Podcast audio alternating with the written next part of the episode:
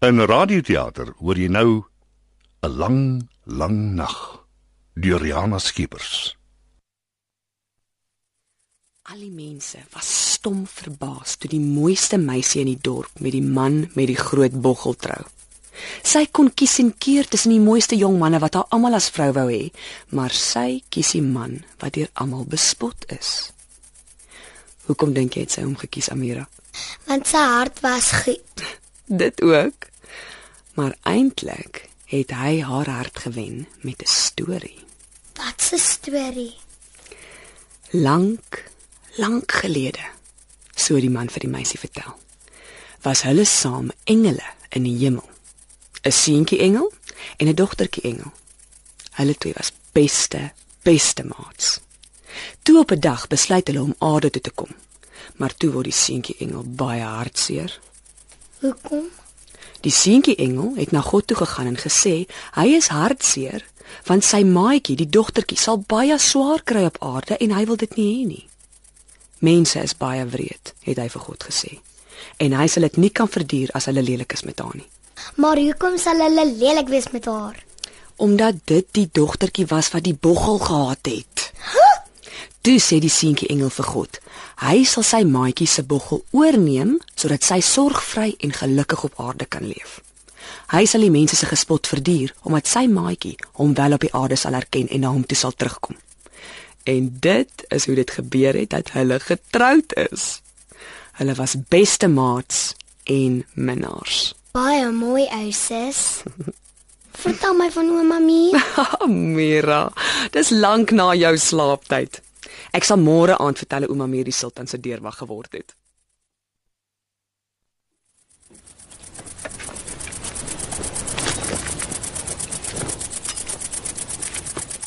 'n Uur. 'n Volle tydglas het uitgeloop sedert jou voorganger omgekap het.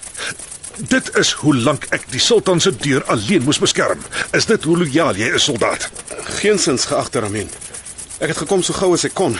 Generaal Kuros het aangedring op my adelike inswering. Adelike inswering van 'n soldaat en dit op die sultan se huweliksaand. Daar is sekerlik belangriker formaliteite. Wie is jy? Rapporteer.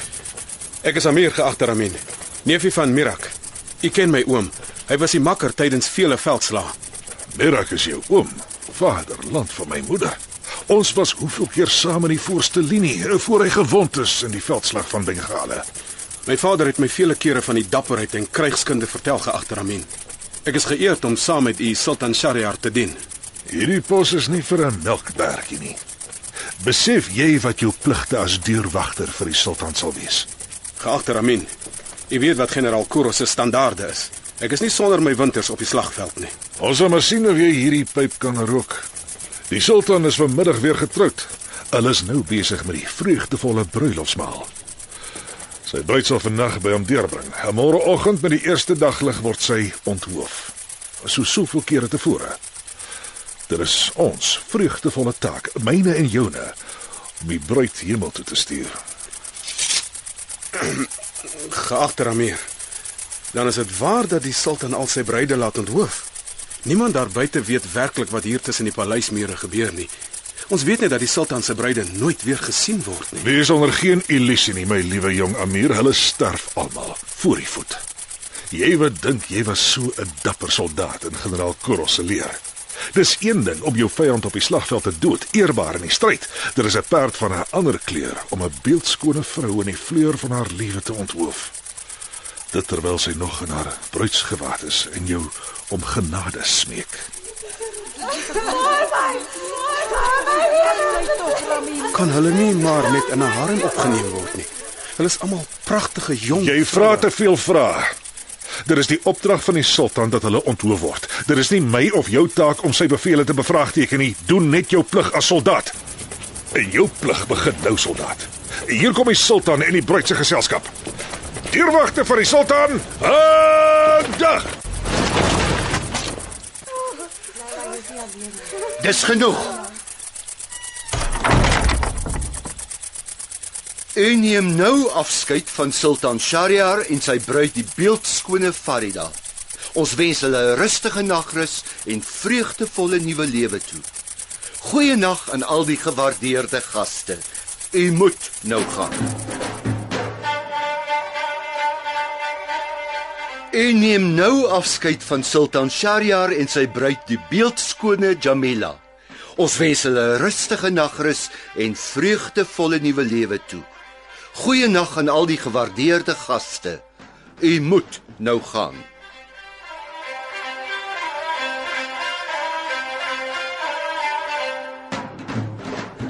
U neem nou afskeid van Sultan Shahryar en sy bruid die beeldskone Leila. Ons wens hulle 'n rustige nagrus en vreugdevolle nuwe lewe toe. Goeienaand aan al die gewaardeerde gaste. U moet nou gaan.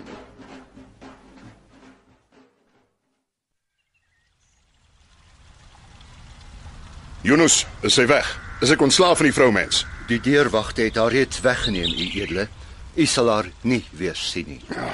Is jy seker hier het niks van haar agtergebly nie? Geen ooring of skoen of pashmina, iets wat een van haar familielede wil kom opeis nie. Nee, edele Shahryar. Hier is niks wat u kan ontstel nie. Nie eers die geur van haar parfuum is meer hier nie. Ek het die vensters en luike oopgemaak sodat u die skoon vars lug van Persië kan inasem. Dis asof hier nog nooit 'n vrou was nie. Sy was wel pragtig en lieftallig, my bruid van gisternag. Haar asem soet soos bloeisels en haar borste sag en ferm, soos vars spanspekkies op die vroegoggendmark. Wat was haar naam nou weer? Jamila, Leila. En sy het my laat dink aan aan My heer die sultan. O my lief, my liefste, my allerliefste. Nee. Ek sal nie weer aan haar dink nie. Sy wat soos 'n lustige slang, 'n verraderlike skerpe joen my bedrieg het. Wat sê u edele Shahryar? Nee, niks. Ek sê net dat dit goed is dat sy weg is. Mooi was sy wel, elegant en goed versorg en onderdanig, maar die verderf was reeds by haar ingebore, soos 'n span spek wat heerlik ruik, maar van binne verrot is. Jonas, wat is my afsprake vir vandag? Net na die oggendklok se gelui ontmoet u die ambassadeur van Skeba. En na middagete is u vergadering met die raadslede van die Hoërhof. My heer die sultan. O my lief, my liefste, my allerliefste.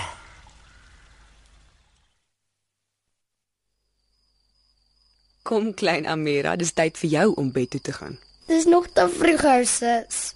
My bal het op by die fontein gerol.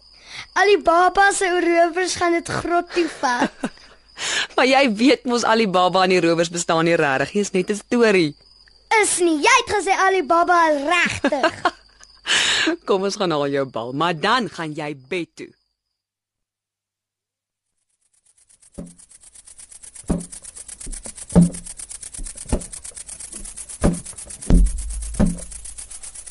Kan ons nie wag tot 'n ster verskiet nie.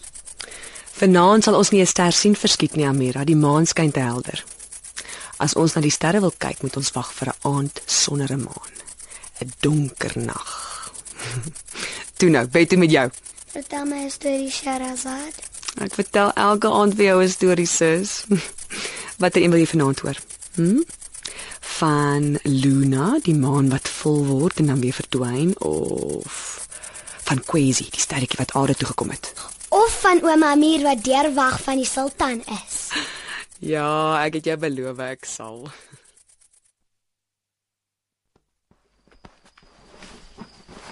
So ja. Vertel nou. Onthou Amira, jy het nie verniet sy naam nie. Amir is 'n dapper en slim soldaat. En jy is Amira, 'n dapper en slim klein dogtertjie. Ek wil 'n soldaat van die sultan word. Wel dalk sal jy nie 'n soldaat kan wees nie, maar kom ek vertel vir jou van 'n dogtertjie wat wel 'n soldaat geword het. Sy het in China gewoon en haar naam was Sishi. Vertel liewer van ons mamma. Ons mamma was die mooiste vrou in die hele wye wêreld. Sy was mooier as Luna. Weet jy jy lyk op haar soos sy? En weet jy hoe lief sy jou gehad het? Mm, hoe lief. So lief soos wat die see diep is. So so lief as wat die woestyn groot is. Toe sy so siek geword het, het sy vir my gesê: Sherazad, sorg vir Amira, ons klein liefling, asof sy jou eie dogtertjie is. En toe het sy ook gesê, ek sal altyd hier naby julle wees en na julle kyk. Elke keer as jy 'n verskietende ster sien of sien dit is volmaan, dan moet jy weet dis ek. Slaap selfs, Sherazad. Ja, vader. Maar soos gewoonlik was sy glad nie lus om te kom slaap nie. Eers toe ek haar storie beloof. jy sal ook enige een in 'n bevang met jou stories, Sherazad. ek kan haar nie genoeg vertel van moeder nie. Sy word nooit moeg om te hoor hoe mooi sy was en hoe lief sy vir ons en veral vir haar was nie. Ja, na al die jare wat sy dood is, verlang ons nog steeds na haar. Ek veral. maar uh, kom ons stap tuin toe. Dis betowerend mooi in die maanlig. Ons gaan later eet. Hoe gaan dit met my neef Amir, vader? So ons regtig weet my dogter om deurwagter en soldaat in die sultan se persoonlike diens te wees kan sekerlik nie 'n tapijtrit deur die lug wees nie. Amir is 'n dapper man en plus getrou tot die dood, maar hy's ook 'n man met 'n hart. Toe generaal Kuros hom gekies het as nuwe deurwagter, het hy natuurlik nie besef wat sy take alles sal wees nie. Vader. Ek weet u gaan my weer stil maak. Ek weet u gaan sê ek praat uit my beerd omdat u eerbiedig is en lojaal aan die sultan, maar ek wil nie langer stil bly nie. Hoe lank moet ons dit nog verduur dat die jong vroue van hierdie land sinneloos vermoor word net omdat dit die sultan behaag? Wat weet jy tog hiervan? Bly stil. As iemand jou nou moet hoor, is dit jou einde en myne. Hoekom mag ons nie hieroor praat nie? Dis hoogtyd dat iemand my hoor. Dis my vriendin Leila wat verlede week met die sultan getroud is en toe net verdwyn het. Die liefdevolle, sagte Leila wat nog nooit 'n vliegskade aangedoen het nie. Ek onthou nog goed. Leila het een keer 'n windswaal gered uit die kloue van 'n wilde kat. Daarna die swaalkie bedags op haar skouer gesit en snags by haar bed geslaap. So was Leila. Sy is nie eens kans gegee om haar voor te berei op haar sogenaamde huwelik nie. Haar die grillerige vent Jonas het haar op die markplein gesien. Hy het soos 'n slang met sy koue oogies na gestaar en wat gebeur toe? Die volgende dag word sy in die paleis ontbied omdat die sultan Kwansys op haar verlief geraak het en haar sy vrou wil maak. Wie op hierdie aarde glo sulke bog? My liefste kind, bedaar tog. Ons almal in hierdie land fluister agter sluiers en agter geslote deure. Wat het regtig met die sultan gebeur? Waarom haat hy alle vroue? Hoekom word dan nie openlik gesê hy onthoof sy vrouens na een nag nie? Hoekom los hy hulle nie net uit nie? Wat in Persië gebeur, ons mooi land wat deur digters besing word, is onaanvaarbaar en afgryslik. Maar wanneer gaan iemand oor hierdie onregte praat sodat dit kan end kry? Sherazad, asseblief tog. By al die heilige berge van ons land, ek kan nie hieroor praat nie. Dis 'n persoonlike saak van die sultan. Ag, liewe aarde, mens kan sien jy het sonder 'n ma groot geword. As jou ma vandag nog geleef het, sou sy presies dieselfde as ek gesê het. Ons moeder het vir my en vir Amira, so klein soos wat sy was, geleer. 'n Meisie het nie net 'n kop op haar lyf om dit met rubyne te behang nie. Sy het 'n kop gekry om te dink. Wees haar siel genadig. 'n Meisie het ook nie net oë gekry om daarmee te flonker en te verlei nie. Sy het dit gekry om te kyk en die waarheid te sien. Ek het jou toegelaat om te veel boeke te lees. Dit was 'n fout. Jy dink soos 'n man. Wat wil jy nou eintlik hê moet ek doen? Na Sultan Shahryar toe gaan en vir hom sê: "U edele, my dogter Sherazad dink wat u doen is verkeerd." Sal u onmiddellik ophou om u vrouens se koppe te laat afkap? Iemand moet. Iemand gaan my kop ook laat afkap oor my disrespek teenoor die sultan. Waarskynlik nog Amir, my eie broederskind. Miskien moet ek na die koning toe gaan en hom vertel hy is besig om sy mense te verwoes. As daar nie een man in Persië is wat dapper genoeg is om dit vir die sultan te sê nie, moet 'n vrou dit dalk doen. By alles wat heilig is, is jy van jou sinne beroof. Weet jy nie hoe lank ek jou al probeer wegsteek? Keer dat daar is slijmerige Yunus agterkom. Ek het 'n pragtige dogter nie. My liefste pa. Dis wonderlik dat jy dink ek is pragtig. Dankie. Maar ek weet ek is nie juis mooi nie. As ek pragtig was, was ek al 'n bruid met die dood as my bruidegom. Maar dink asseblief hieraan. Ons klein Amira. Sy is mooi. Kan pa dink hoe onweerstaanbaar sy oor 'n paar jaar gaan wees. Beeldskoon soos haar moeder. Haar hare is nou reeds blink soos 'n raaf se vlek. Haar oë groot en groen soos jaspis. Kan pa nog 'n bietjie verder dink? Hm? Hoe sal pa voel as die sultan Amira vra met hom te trou? Wel weet nie. Amira is nog 'n kind. Maar teen die tempo waarmee die sultan op die oomblik ons jong vroue se lewens minder maak, gaan dit nie lank wees voordat daar nie 'n enkele jong vrou in die stad oor is nie. En dan sal sy slagoffers net jonger word. Dit is 'n verskriklike gedagte. Die sultan is nog 'n jong man. Hy het nog baie lewensjare oor. En elke jaar beteken die dood van 'n 100 of meer vroue. Hoeveel vroue het die sultan al gehad en gedood, vader? Die mense fluister en skinder. Sommige sê dit is reeds 1000, ander sê dit is nader aan 3000. Maar niks of niemand kan die sultan stuit nie. Hy is die heerser, ons is sy onderdane. Miskien kan iemand hom tog stuit. Iemand wat nie bang is vir Sultan Shahryar nie. Iemand wat nie bang is om te sterf nie. Daardie persoon kan tog nie jy wees nie, Sherazad. Ek sal nie toelaat dat jy sterf nie. Ons het jou nodig. Ek en Amira. Wie sê ek gaan sterf? Mami, Dis my slimste, oulikste, mooiste, jongste, kleinste niggie se verjaarsdag. Hoe oud is jy vandag, skone Amir? 6 of 60 of 600 jaar? Dalk 1000? 1001 jaar oud. Het jy vir my geskenk gebring? Hoekom moes ek 'n geskenk bring? Want ek verjaar. Ek teken vir jou 'n prentjie vir jou verjaars. Dalk is hier eers vir jou 'n geskenkie. Maar o gats, ek dink 'n towenaar het dit weggetoer en ek het die toorwoorde vergeet. Ken jy dalk 'n paar toorwoorde? Borla borla gila gai. Nee, dit werk nie. Borli borli.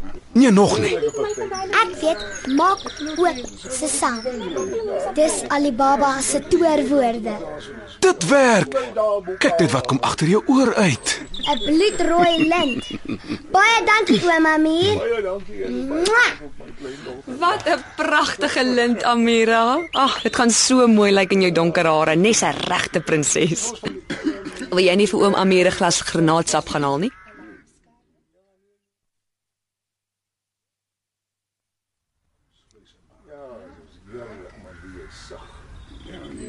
Ek is so bly jy's hier, Amir. Beteken die wêreld vir Amira. Jy weet sy's dol oor jou. Ek is ook bly. Amira se vrolikheid lig sommer my gemoed. Hoe gaan dit met jou? Goed, dankie, Sherazad. Ek weet jy praat nie die waarheid nie, maar toe maar. Ek gaan jy nie verder uitvra nie. Daar is iets anders wat ek graag met jou wil bespreek, maar uh, nie hier nie. Alleen. Sal ons tuin toe stap? Seerlik koel cool na die vyeboom. Onthou jy nog hoe ons as kinders in die boom geklim het om weg te kruip vir die groot mense?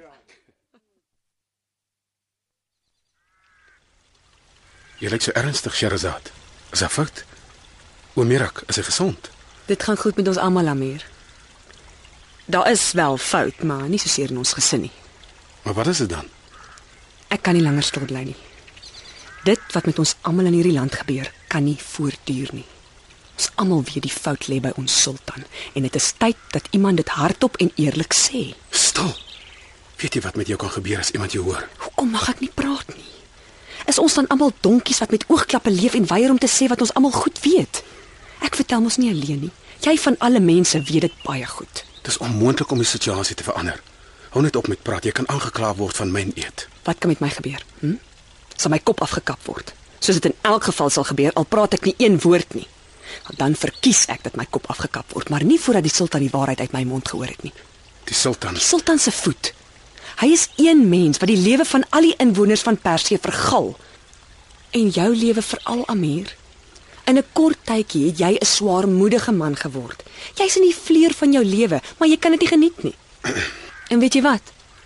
Jy gaan nooit 'n vrou kry nie. Jy, 'n aantreklike forsman oor wie al my vriendinne swymel, sal nooit 'n vrou kry nie. Nie omdat niemand jou wil hê nie, maar omdat daar binnekort nie meer enige jong vrou oor sal wees nie. As jy 'n vrou kry, en dis net as, sal dit 'n ou tannie sonder tande en met lelike moesies wees. Ja, ek besef dit ook, Sherazad. Maar daar is iets erger as om nie 'n vrou te kry nie. Weet jy hoe kyk al die mense na my? Nou dat dit bekend is dat ek die nuwe deurwagter van die sultan is. Hulle kyk na my asof ek asof Ons vir jou moordenaar is. ja, En dit terwyl die regte moordenaar op 'n troon sit. ek eis as ek dink iemand moet hierdie gesprek hoor. As iemand soos Yunus weet wat ons nou praat, as ons verdoem.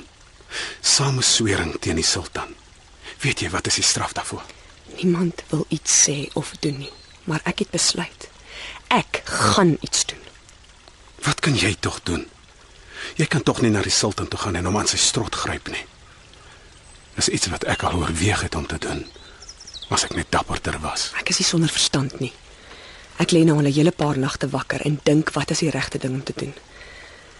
En ek dink ek weet nou wat om te doen. Maar my plan is nie sonder risiko nie. Ek het jou hulp nodig. Ek is net die deurwag. Die sultan kyk nie eers in my rigting nie. Ek dink nie hy weet eers wat my naam is nie. Ek beloof jou ek sal my bes probeer om jou nie in gevaar te stel nie. Dis 'n bestuuring dat jy die nuwe deurwag is.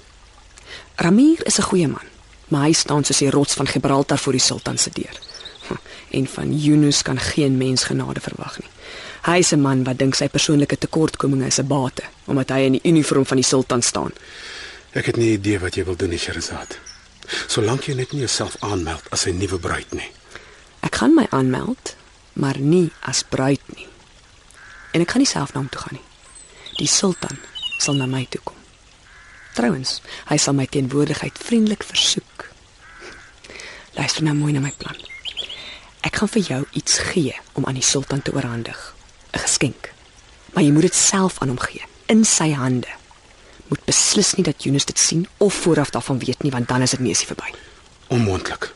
Ek is die deurwag. My pos is buite die sultan se kamers. Ek mag nie sonder toestemming binne gaan nie. Yunus beheer alles wat daar in en uit gaan. Alles gaan deur sy hande. Selfs die sultan se kos en water.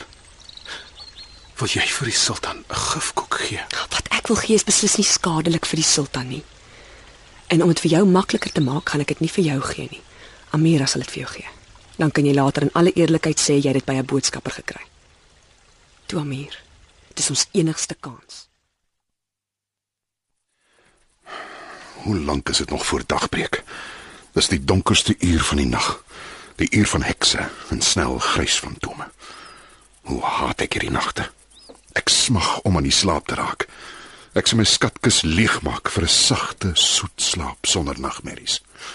Maar helaas. Nee. Nee, net nie weer die stemme nie. Asseblief nie weer die stemme nie. Laat ek liewer uitstap na die binnehof en uitkyk oor die tuin. Die geur van kamferfoelie en roosmaryn is altyd soeter. Skerper in die nag. Kamferfoelie en roosmaryn. Heerlik. Wat ruik ek nog? Is dit die jasmijn wat al blom? Jasmijn en japonica en nog iets. Muskusrose. Ah, die dieprooi muskusrose van my jeug. Ek onthou nog my bruid, my Zara, met die vuur in haar oë en muskusrose in haar hare. My heer die sultan. O my lief, my liefste, my allerliefste. Maak los my hare. Laat dit oor my skouers tuimel. Ek dans vir jou die dans van die sewe sluiers. Net vir jou my lief, my man. Heilige waterval van Zagros. Is daar vir my geen rus nie. Ek wil alleen wees. Ek wil geen vrou by my hê nie, ook nie die geselskap van die arrogante Jonas nie. Maar as ek alleen is, bekruip die demone my.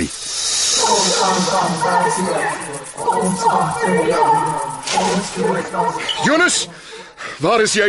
Ja, edele Shariar, hoe kan ek u tot diens wees? Ek kan nie slaap nie. Soos gewoonlik. Wat mompel jy? Uh nee, niks, u edele. Ek wonder net of ek die fluitspeler moet laat kom om u gemoed te streel. Moenie dink omdat die fluitspeler jou gemoed en ander dinge streel, hy doen met sy heus geblaas dieselfde aan my nie.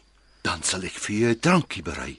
'n Sluimerdrankie met melk en bietjie gestampte kaneel en komyn. Dalk 'n skiekie Heuning? Nee, ek is nie lus vir die konkoksies wat jy van donkiemelk brou nie.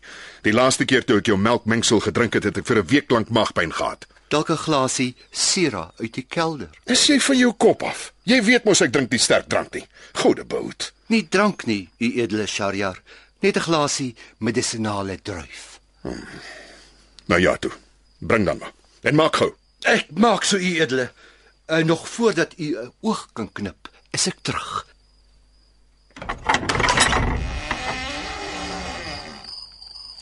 Jy gaan tap vir my van daai druiwesap en maak gou. Verpislike Jonas. Eendag is eendag dan waai sy kop. Wat het my besiel om die beter weterige vent aan te stel as my kamerheer? Nou, ten minste weet ek hy sal nie verlief raak op die vroue wat my kamers besoek nie. hy wil 'n gourie weg hê as ek. Jonas, jy onnosel. Die deur is oop, kom in. Met verskoning, u edele Sultan Shariar. Wie is jy? En hoe kom jy verby die deurwagte? Ek is Amir, u edele, die deurwag. Ek vra om verskoning dat ek u nagrus versteur. Wat wil jy van my hê? Ek wil niks van u hê nie, u edele. Ek wil net graag iets aan u oorhandig. 'n Geskenk. 'n Geskenk vir my. Ja, u edele. Hoekom het jy dit nie aan my kamerheer gegee nie? U kamerheer wou dit nie ontvang nie, u edele. Hy was bang hy steur u. Besluit die verdomde Yunus nou selfs deesdae of ek 'n geskenk mag kry of nie. Nou toe, gee maar hier. Hier, u edele. En uh wel te ruste. Wanneer laas het ek 'n geskenk gekry van een van my onderdane? 'n Enkele vel papier. Geen dolk of nagadder daarin toegerol nie. Laat ek sien wat dit is. Julle kan maar ontspan. Hier, u edele, 'n bokaal van u heel beste sera. Ek het dit self geproe om seker te maak die dood skuil nie in die vat nie. Hier. En die dokument, u edele? Waar kom dit vandaan? Van die deurwag, Amir. 'n Mooi jong man. Die deurwag. Hier in u privaatkamers. U edele, ek sal dadelik laat verwyder. Hoe durf hy u privaatheid skend? Gee die dokument dat ek dit dadelik vernietig. Jy oortree jou grense, Jonas. Ek sal self hieroor besluit. Skuif die lamp nader. En jy mag begin. Maar u edele, Dit sal al wees. Dankie, Jonas. tot u diens, u edele.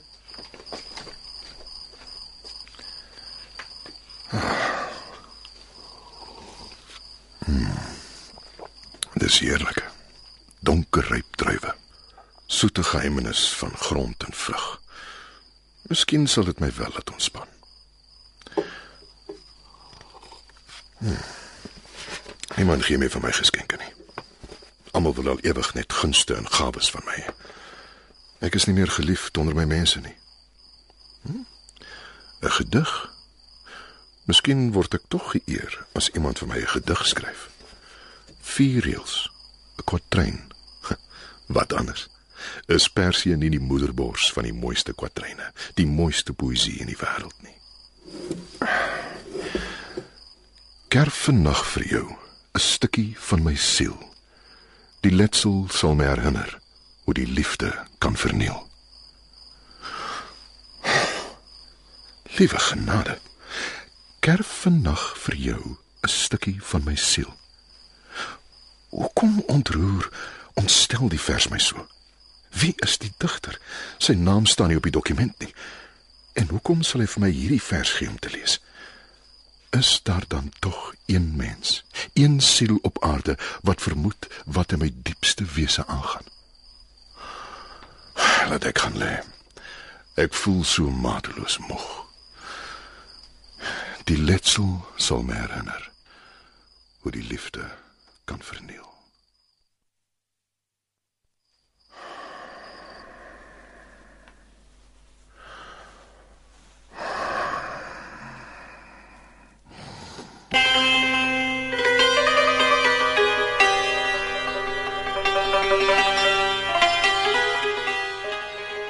Amir, kon jy dit regkry om by die sultan uit te kom? Het jy dit vir hom gegee?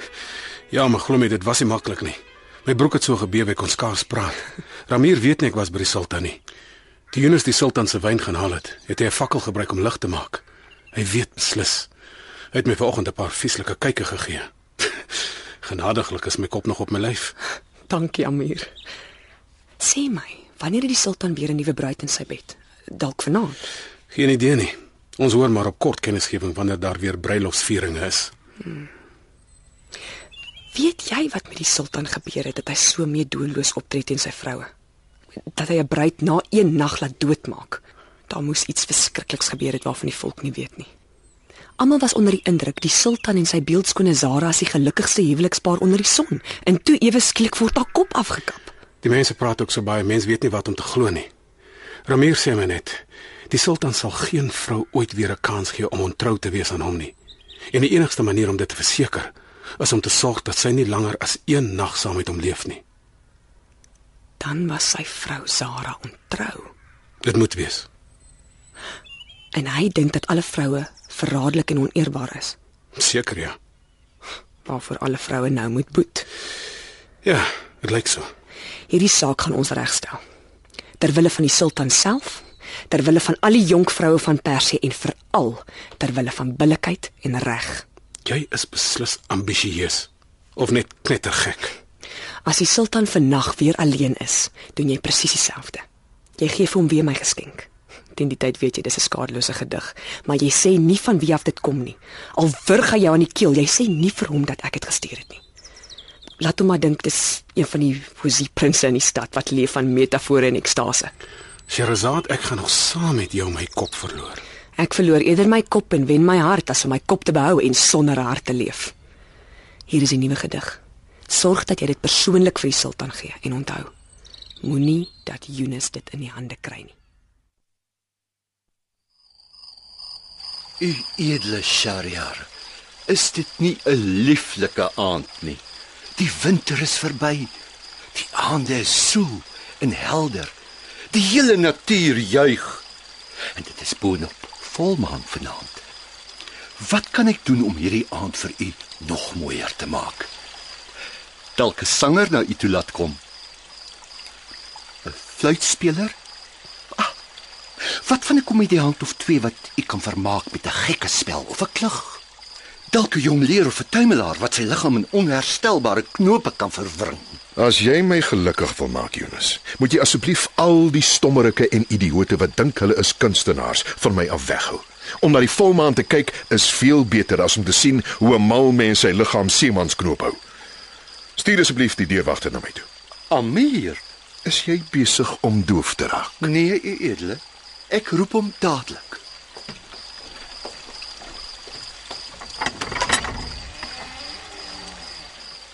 Amir, die sultan wil jou sien.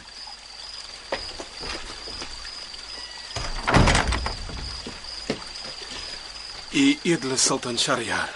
Staan maar op van jou knieë, Amir. Die dokument wat jy gisterand vir my gebring het.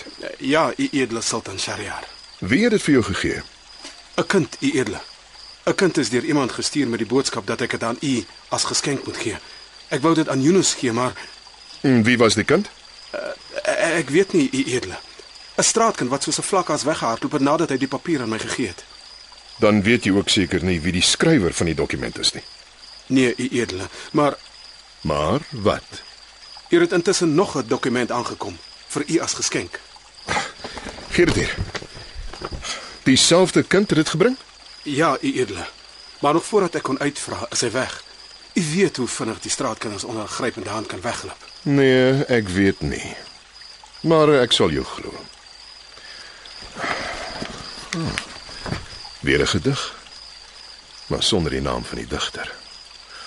Dankie Amir, jy kan gaan. Mag u 'n goeie nagrus hê, u edele. Wel te ruste. Amir, Uh, ja, u edele. as daardie kind weer hier aankom, wil ek weet wie dit is. Ek wil weet wie hierdie geskenke stuur.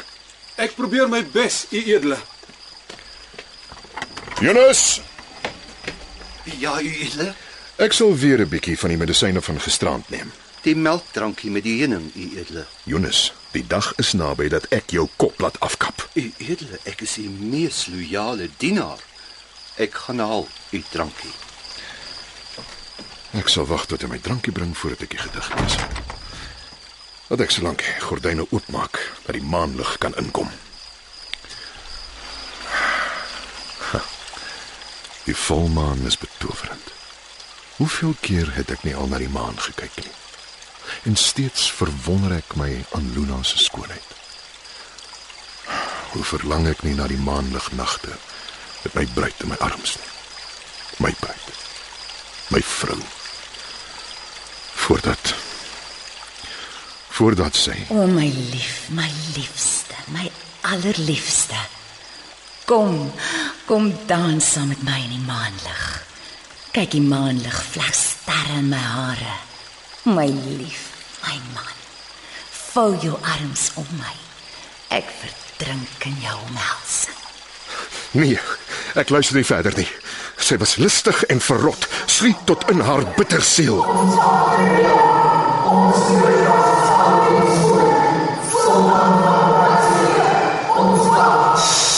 Nee! Edele, wat is fout? O, dis jy Jonas. Ah, oh, hier is u wyn, u edele. Dankie. Dit sal al wees. Jy kan gaan.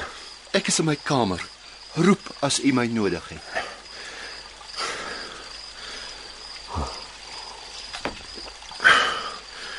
Ek is besig om mal te word. Hm. Hoe karmosyn rooi gloei die wyn in die lig van die vuur. Luksur is hierdie wyn. Sap van son en sneeu en donker grond. Dit lyk my ek kan ook 'n digter wees. Die maan tas my aan. Maar laat ek nie vanaand afdaal in die kellers van die droefenis nie. Ek het 'n geskenk gekry.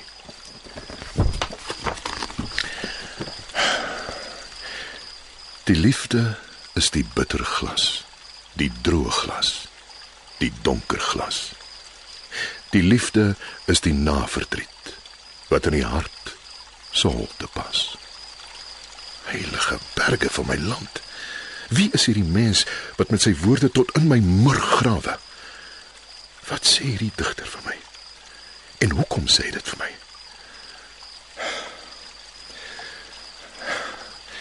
Hierdie digter verstaan my lyding. Hy beskryf dit asof hy 'n hartklop met my deel. Is dit ook 'n man wat deur sy vrou bedrieg is? Is dit nog 'n man wat op 'n dag sy vrou, sy beeldskone vrou, tot siens gesê het om te gaan jag en toe onverwags teruggedraai het om haar 'n laaste kus te gee. En toe, O oh, my lief, my liefste, my allerliefste. Kom nou my, my heer, die onweerstaanbare kamerkneg. Die sultan is weg. Hy sal vir ure lank weg wees op een van sy dwaase jagtogte. Kom, my liggaam is joune. die liefde is die bitter glas, die droë glas, die donker glas. Ek is nie alleen nie. Iemand anders ken my hart, verstaan die pyn van verraad. Maar wie sal hierdie digter 'n vriend van my kan word? En waarom troos die wrang woorde my op so 'n vreemde manier? Jou oë sing 'n ou verhaal van goud wat in die reënboog lê. En sal jou lippe teen my lip 'n onvertelde teerheid sê. Pols jou vingers aan my pols, die boodskap wat die bloed begryp. Jou mond is met die bitterrooi van willebessies ryp. Wie het die ronding van jou vlees so soepel om die been gedraai? En watter heuwels en vallei die wit mis van jou tabber toegewaai? Een het my om haar lag verlei, een om haar trots versaak, en ek tussen verwyd en leed al dronker aan die drink geraak. By die bibberende baard van my voorgeslagte. Amir, ek verstaan dit nie, maar sedert jy deurwagter van die sultan is, het net alles verander. Hoe het dit verander, geagte Ramir? Die sultan loop nie meer soos 'n dwaalgees in die nagte op en af in sy kamer nie. Hoeveel gedigte het jy nou al vir die sultan aangedra? 30, 40, meer? En hy lees dit soos wat 'n kind snoepgoed eet. Hy kan nie genoeg kry nie. Ek het nie getel nie, geagte Ramir. En besef jy die sultan het in die tyd nog nie weer 'n nuwe bruid geneem nie. Hoe lank is dit nou al dat daar nie 'n vrou by hom was nie? Hy vra ek nie meer vir 'n glas wyn of een van Juno se kruiebrousels om te laat slaap nie. Ek besef dit ook, geagte Ramir. Is dit sy nuwe verslawing? Poesie. dit kan natuurlik nie veel langer duur nie. Hoe lank kan 'n mens nou leef op die opium van rymwoorde, die geswemel van versies en rympies? Ja, dit besef ek ook en dit bekommer my. Dit word tyd dat jy aan die sultan bekend maak wie die digter is. Aha, ek sien dit sommer op jou gesig. Jy het uitgevind wie dit is. Selfs ek glo nie meer jou verskoning dat dit elke keer 'n straatkind is wat jou velletjie papier aandra nie. Want hoekom gee die kind dit nooit vir my nie? Geagte Ramir, jy is reg. Die digter is aan my bekend. Ek kan die sultan nie langer in die duister hou nie. Nou maar laat die man dan tevoorskyn kom. Dit is die probleem geagte Ramir. Die digter is nie 'n man nie. Dis 'n vrou. Wat? O, genade vanuit die hemel en onder op die aarde, 'n vrou. Uh, wie is dit nogal? Sherazad, my niggie. Merak se dogter. By al die gode van die wêreld. Besef jy? Uh, weet jy dat Ja, geagte Ramir, ek weet dit alles. Dat Sherazad een van die min jong vroue van die stad is wat nog hierdie sultan se bruid geword het nie. En dat hy nou bewus sal wees van haar bestaan. Amir, ek het in die tyd dat ons saamwerk respek gekry vir jou. Maar jy besef dat ek jou op geen manier kan help as as die sultan besluit om Sherazad as sy bruid te neem nie. Ja, ek besef dit geagte Ramir. En ek verwag dit ook nie van u nie. Maar Sherazad weet dit ook. Sy's 'n baie dapper vrou.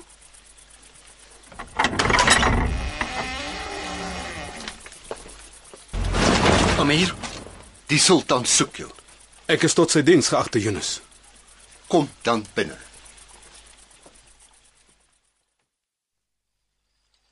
Ah, goeienaand my dapper en getroue Amir, boodskapper van die gode. En wat het jy vanaand vir my, vir my vriend die digter? 'n Kwatryn, 'n sonnet, 'n ballade? Waarmee word ek vanaand verruk en verbuister? Ek weet nie edele, maar hier is u geskenk. Ah, Daar's natuurlik nog iets wat ek vanaand wil hê, Amir. En ek gaan nie een oomblik langer daarvoor wag nie. Jy weet sekerlik dat ek al lankal nie meer glo dat jy onkundig is oor die identiteit van my digterlike vriend nie. Ja, u edele. Ek het saamgespeel met die misterie wat hy soos 'n web om hom gewewe het. Hoeveel nagte nou al? 1001? Maar ek wil hom nou ontmoet. Ek wil my waardering self aan hom oordra. Sy verse het my gered van waansin. Dit het my getart en getroos, my deur 'n spektrum van emosies gevoer wat ek nie gedink het moontlik is nie. Hy het my geleer die goddelike woorde van poesie is 'n veel opwindender minares as ja, as 'n vrou. Ja, u edele. Wat weet jy daarvan? Nee, ek weet nie u edele. Ek lees nie poesie nie en ek het nog nooit 'n minnares gehad nie en ook nie 'n vrou nie, maar ek glo wat hy sê. Uit daarmee. Wie is hy? Gee my nog hierdie nag kans, u edele. Ek sal sorg dat die digter u môre aan die tyd ontmoet. As dit u behaag, sal ek die digter self hier na u kamers vergesel. Dit gaan 'n lang, lang nag wees. Maar ek sal dit seker oorleef. Tot môre dan. Gaan nou. Ek wil my gedig lees. Wel te ruste, u edele.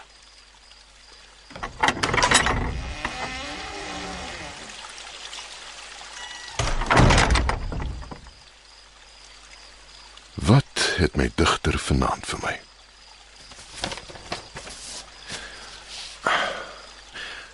Ek het nie 'n vrou se stem nie, maar tog 'n vrou se lyf. Die ronding van my borste swel onder die woorde wat ek skryf. Oh, wat op aarde.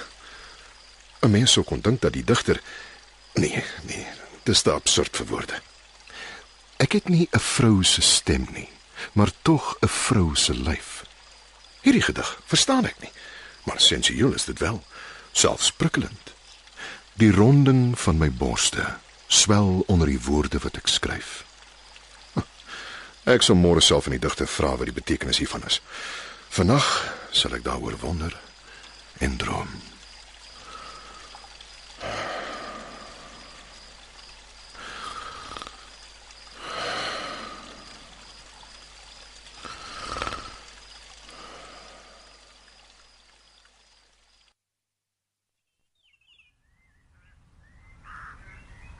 Amira, jy het nog altyd gesê jy wil 'n soldaat word en vir die sultan veg. Ja, ou sis, ek sal baie dapper wees. Jy hoef nie te veg nie want jy is nog 'n dogtertjie, maar jy kan wel die sultan ontmoet as jy wil. En daarvoor moet jy dapper wees. Ek sal. Kan ek 'n prentjie vir hom op sy perd teken? Ek is seker hy sal baie daarvan hou. Maar dan moet jy gou maak want ons besoek hom vanaand. Regtig, ek begin dadelik. Oh, Amiratjie. Ek hoop nie ek steek jou mooi koppie saam met myne in 'n byenes nie.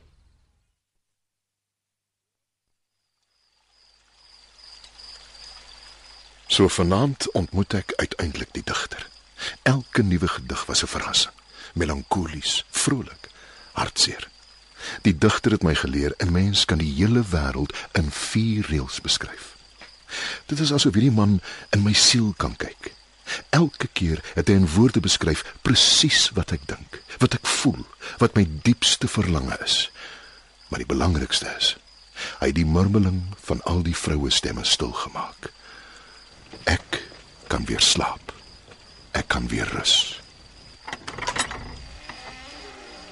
Staan terug. Wie dink julle is julle? Yunus, is my gas hier. Bring hom asseblief na binne. U edele, u gaste is hier. Maar ek dink nie ek kan hulle laat inkom nie. Vergeet nie jou maniere nie, Yunus. U edele, Goeienaand, liewe oom Sultan. Ek is Amira. Ek het vir u 'n tekening gemaak op u perd. Wat op hierdie aardbodem? 'n Kind? Amira, sê jy. Jy het 'n pragtige lint in jou hare. U edele, mag ek my niggies aan u voorstel? Amira en haar suster Sherazad. U edele. Goeienaand. by die asem van my galoppende kameel. 'n Vrou. Amir, wil jy vir my sê dat U edele, ek dank u vir die uitnodiging om u te besoek. Ek is ook diep vereer dat u my nederige woordgeskenke aanvaar het. Is my geskenk vir oom Sultan mooi? ja, ek dink dit is baie mooi. Maar ek dink jy het my perd baie mooier geteken as vir my. Ek ken perde, maar nie vir u nie. U edele, ek vra verskoning dat ek my sussie moes saambring. Sê dit ons moeder se afsterwe is sy en my sorg. Ek kon haar nie alleen tuis los nie, maar wou nie u uitnodiging verontagsaam nie. Ek vra ook verskoning vir haar gebrek aan finesse. gebrek aan finesse. U edele, ek sal nou die besoekers weer na buite neem. Hulle het reeds genoeg van die tyd gebruik. Dankie vir jou sorgsaamheid, Yunus. Maar ek sal my gaste graag iets te drinke wil gee. Sal jy sorg dat ons van die fonkelwater uit Libanon bedien word en appelsap vir Amira? Tot u diens, u edele. U edele met u toestemming hervat ek my pos voor die deur. Seker Amir.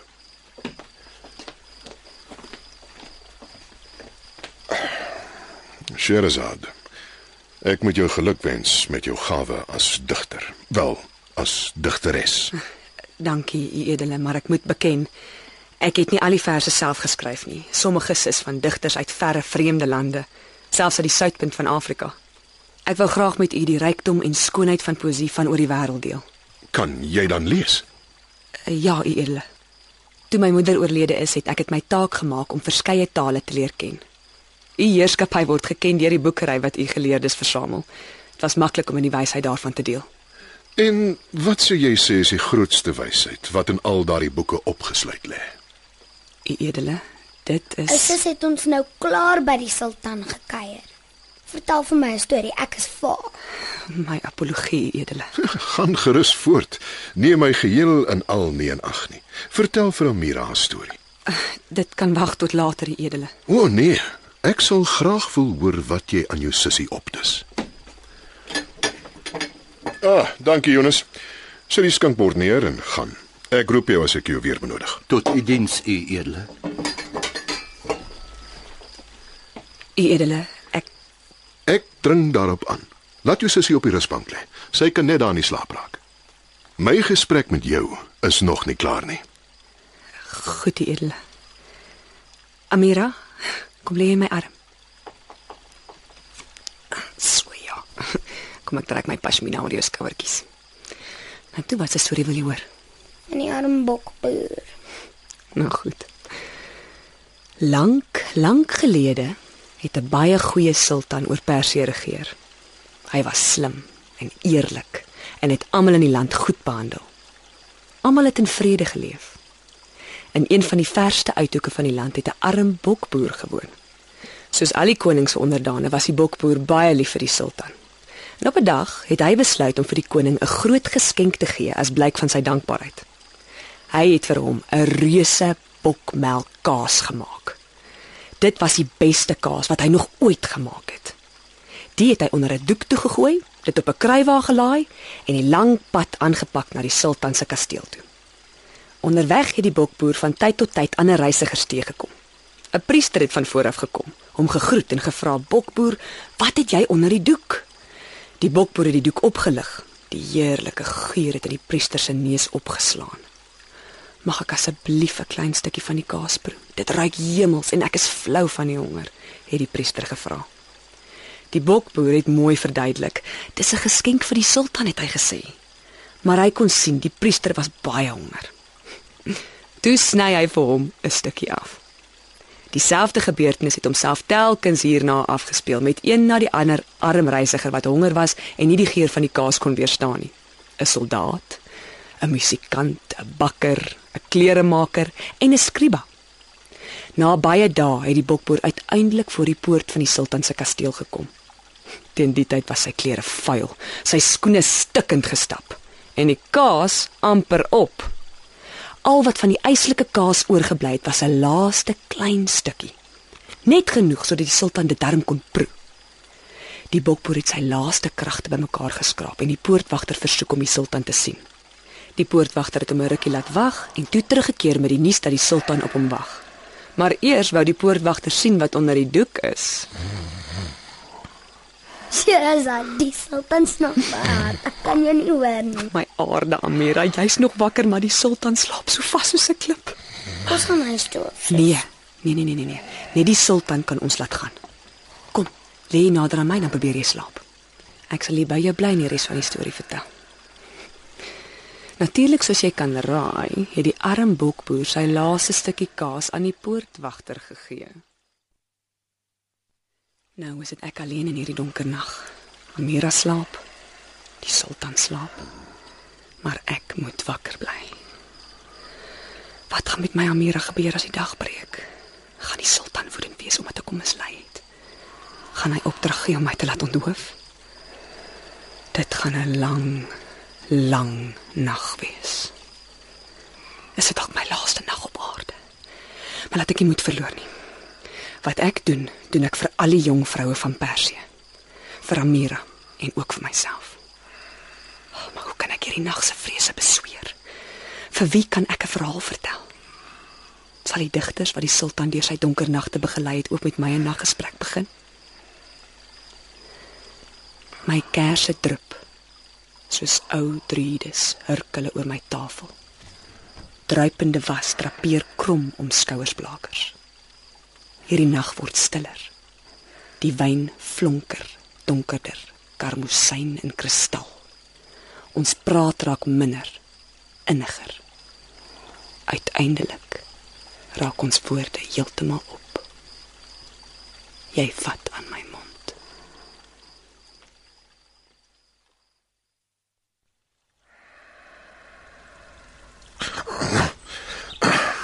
Wat wat op aarde?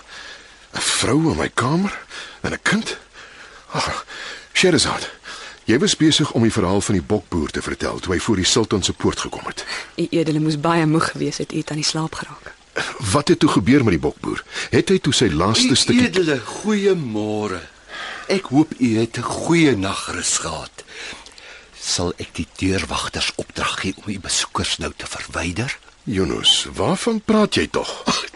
Die gewone opdrag, u edele, om die dame te verwyder. Is jy van jou kop af? U edele, My gaste bly net hier. Ek moet nog die einde van die verhaal hoor. u edele, die dag het reeds gebreek. U afspraak met die afvaardiging van Islamabad is oor 'n uur en u moet nog gebad en geklee word. Die prins van Turkye is u gas tydens die middaguur. Sherazad, sal jy vanaand weer na my toe kom asseblief? Ek moet die res van die verhaal hoor. Ek kan dit nie verduur om nie te weet wat met die sultan en die bok. Ek sal weer hier wees, u edele. Ek beloof. Sherazad, sal jy vanaand weer kom asseblief? Ek moet die res van die verhaal hoor. Wat het gebeur nadat die nagtegaal die sangeres se stem gesteel het? Ek sal weer hier wees, u edele. Ek beloof. Sherazad, kom asseblief vanaand weer. Ek sal die hele dag dink wat met die meisie wat in die sultan se kelder toegesluit was gebeur het. Het sy van die wyn gedrink? Ek sal weer hier wees, edele. Ek beloof. Skaaf om jou te sien, Amir, hier by ons in daglig en nie saans voor die sultan se deur nie. Sherazad. Mm, ek bring 'n boodskap van die sultan. Hy wil weet of jy vanaand nie 'n bietjie vroeër wil kom nie. Sy hart brand van verlange. Hy sê hy mis jou. Amir, dit kan tog nie wees nie. Dit is alreeds 'n 1001 nagte dat ek by die sultan deurbring en steeds vra hy na my. Hy kan nie wag om te hoor wat gebeur het met die beeldskone meisie wat getrou het met die lelike man met die boggel nie.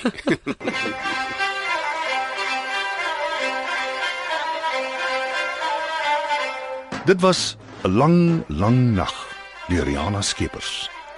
Die rolverdeling was soos volg. Die rol van Sherazad is gespeel deur Jana Strydom en Olivia Pearl Martin was Amira. As Shariar het jy Anton Smit gehoor en Christo Kompion het die rol van Yunus vertolk. Duncan Johnson was Amir, Anton Dekker Ramin en Evert Snyman Mirak. Azara, die spookstem van die sultan se eerste vrou, het jy Heidi Molense gehoor. Louise Eksteen en Jana Radcliffe het gesorg vir die koor en die spookstemme van die dooie vroue wat die sultan getuister het. Die tegniese en akoestiese versorging is behartig deur Skalk Foster en Evert Snyman Junior was verantwoordelik vir die spesiale effekte, byklanke en musiek.